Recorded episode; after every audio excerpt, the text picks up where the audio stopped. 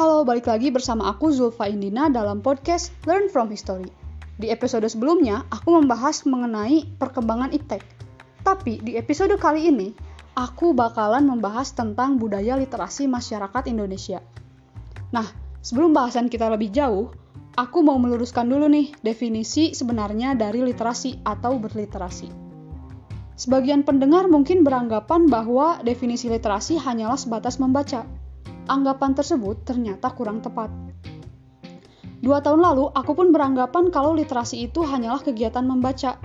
Setelah mengikuti salah satu diskusi yang diselenggarakan oleh penggiat literasi atau komunitas literasi yang pada saat itu bekerja sama dengan Dinas Perpustakaan dan Arsip Daerah Jawa Barat atau Dispusipda Jabar, diskusi tersebut mengusung tema di balik literasi. Wah, sebagai mahasiswa baru dengan semangat ala-ala maba, aku penasaran banget nih ada apa di balik literasi. Ternyata ada definisi yang lebih luas dari sekedar kegiatan membaca saja. Literasi itu dapat diartikan sebagai serangkaian kegiatan membaca dan menulis dalam rangka memperoleh informasi dan pengetahuan untuk kecakapan hidup. Jadi literasi tidak hanya sekedar membaca saja. Terdapat proses berpikir atau olah pikir dan menangkap informasi dari apa yang sudah kita baca. Itu dia definisi dari literasi yang sudah aku pahami saat ini. Dalam berliterasi pun terdapat berbagai jenis. Ada literasi baca tulis, literasi digital, literasi visual, literasi finansial, dan sebagainya. Tapi di podcast kali ini, aku akan lebih memfokuskan kepada budaya literasi baca tulis di Indonesia ada salah satu penelitian yang dilakukan oleh Research Central Connecticut State University tahun 2016 yang mencatat bahwa literasi Indonesia berada di tingkat kedua terbawah dari 61 negara. Wah, miris banget nggak tuh? Bukan tingkat kedua teratas, tapi tingkat kedua terbawah. Nah, kira-kira apa sih yang menyebabkan budaya literasi baca tulis di Indonesia ini masih rendah? Oke, yang pertama, kurangnya dukungan dari lingkungan sekitar Contohnya lingkungan terdekat saja yaitu keluarga.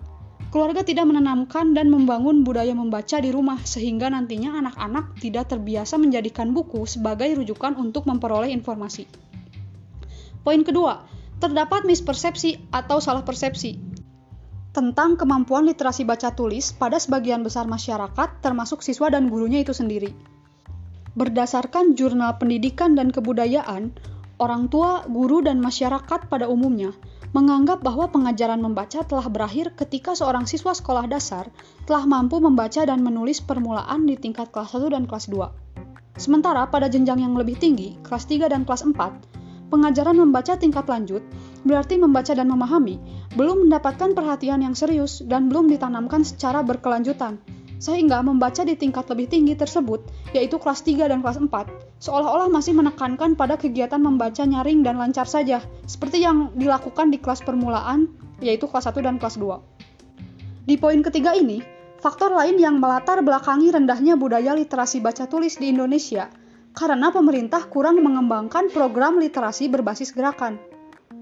Meskipun pemerintah sudah berupaya dalam meningkatkan budaya literasi baca tulis di Indonesia, tapi tetap saja hanya dianggap sebagai seremonial tanpa adanya tindakan yang sifatnya kontinu.